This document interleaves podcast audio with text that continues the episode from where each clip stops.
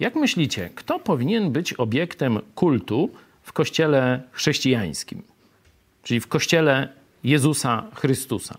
Kto powinien być obiektem kultu w kościele? No, tak na chłopski nawet rozum wychodzi nam, że Bóg Jezus Chrystus, nie? że Bóg powinien być obiektem kultu w kościele. Nie? Proste jak dwa razy dwa.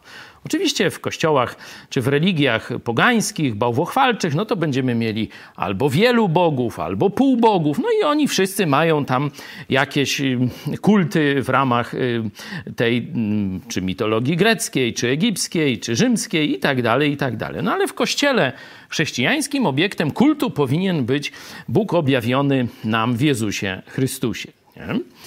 E, ja, jak wiecie, jestem e, tuż po wyroku, gdzie zostałem z paragrafu 196 e, skazany za obrazę tam uczuć religijnych. No on, ten paragraf ogólnie dotyczy właśnie przedmiotów czci religijnej albo inaczej obiektu kultu.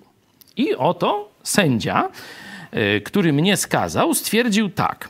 W dalszej części też kwestia deprecjonowania kultu Maryi jako Matki Boga w religii katolickiej.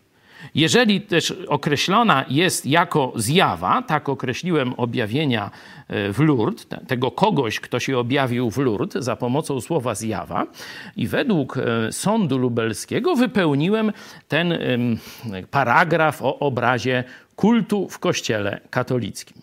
Jeśli nałożymy na to, co powiedziałem wcześniej, to wychodzi mi, że to nie sam Jezus Chrystus, nie Bóg jest obiektem kultu w Kościele katolickim, ale także na przykład e, ta osoba, która się przedstawiła w Lourdes jako Maria, czyli mamy, no, mamy dwie osoby obdarzone kultem, czyli bałwochwalstwo.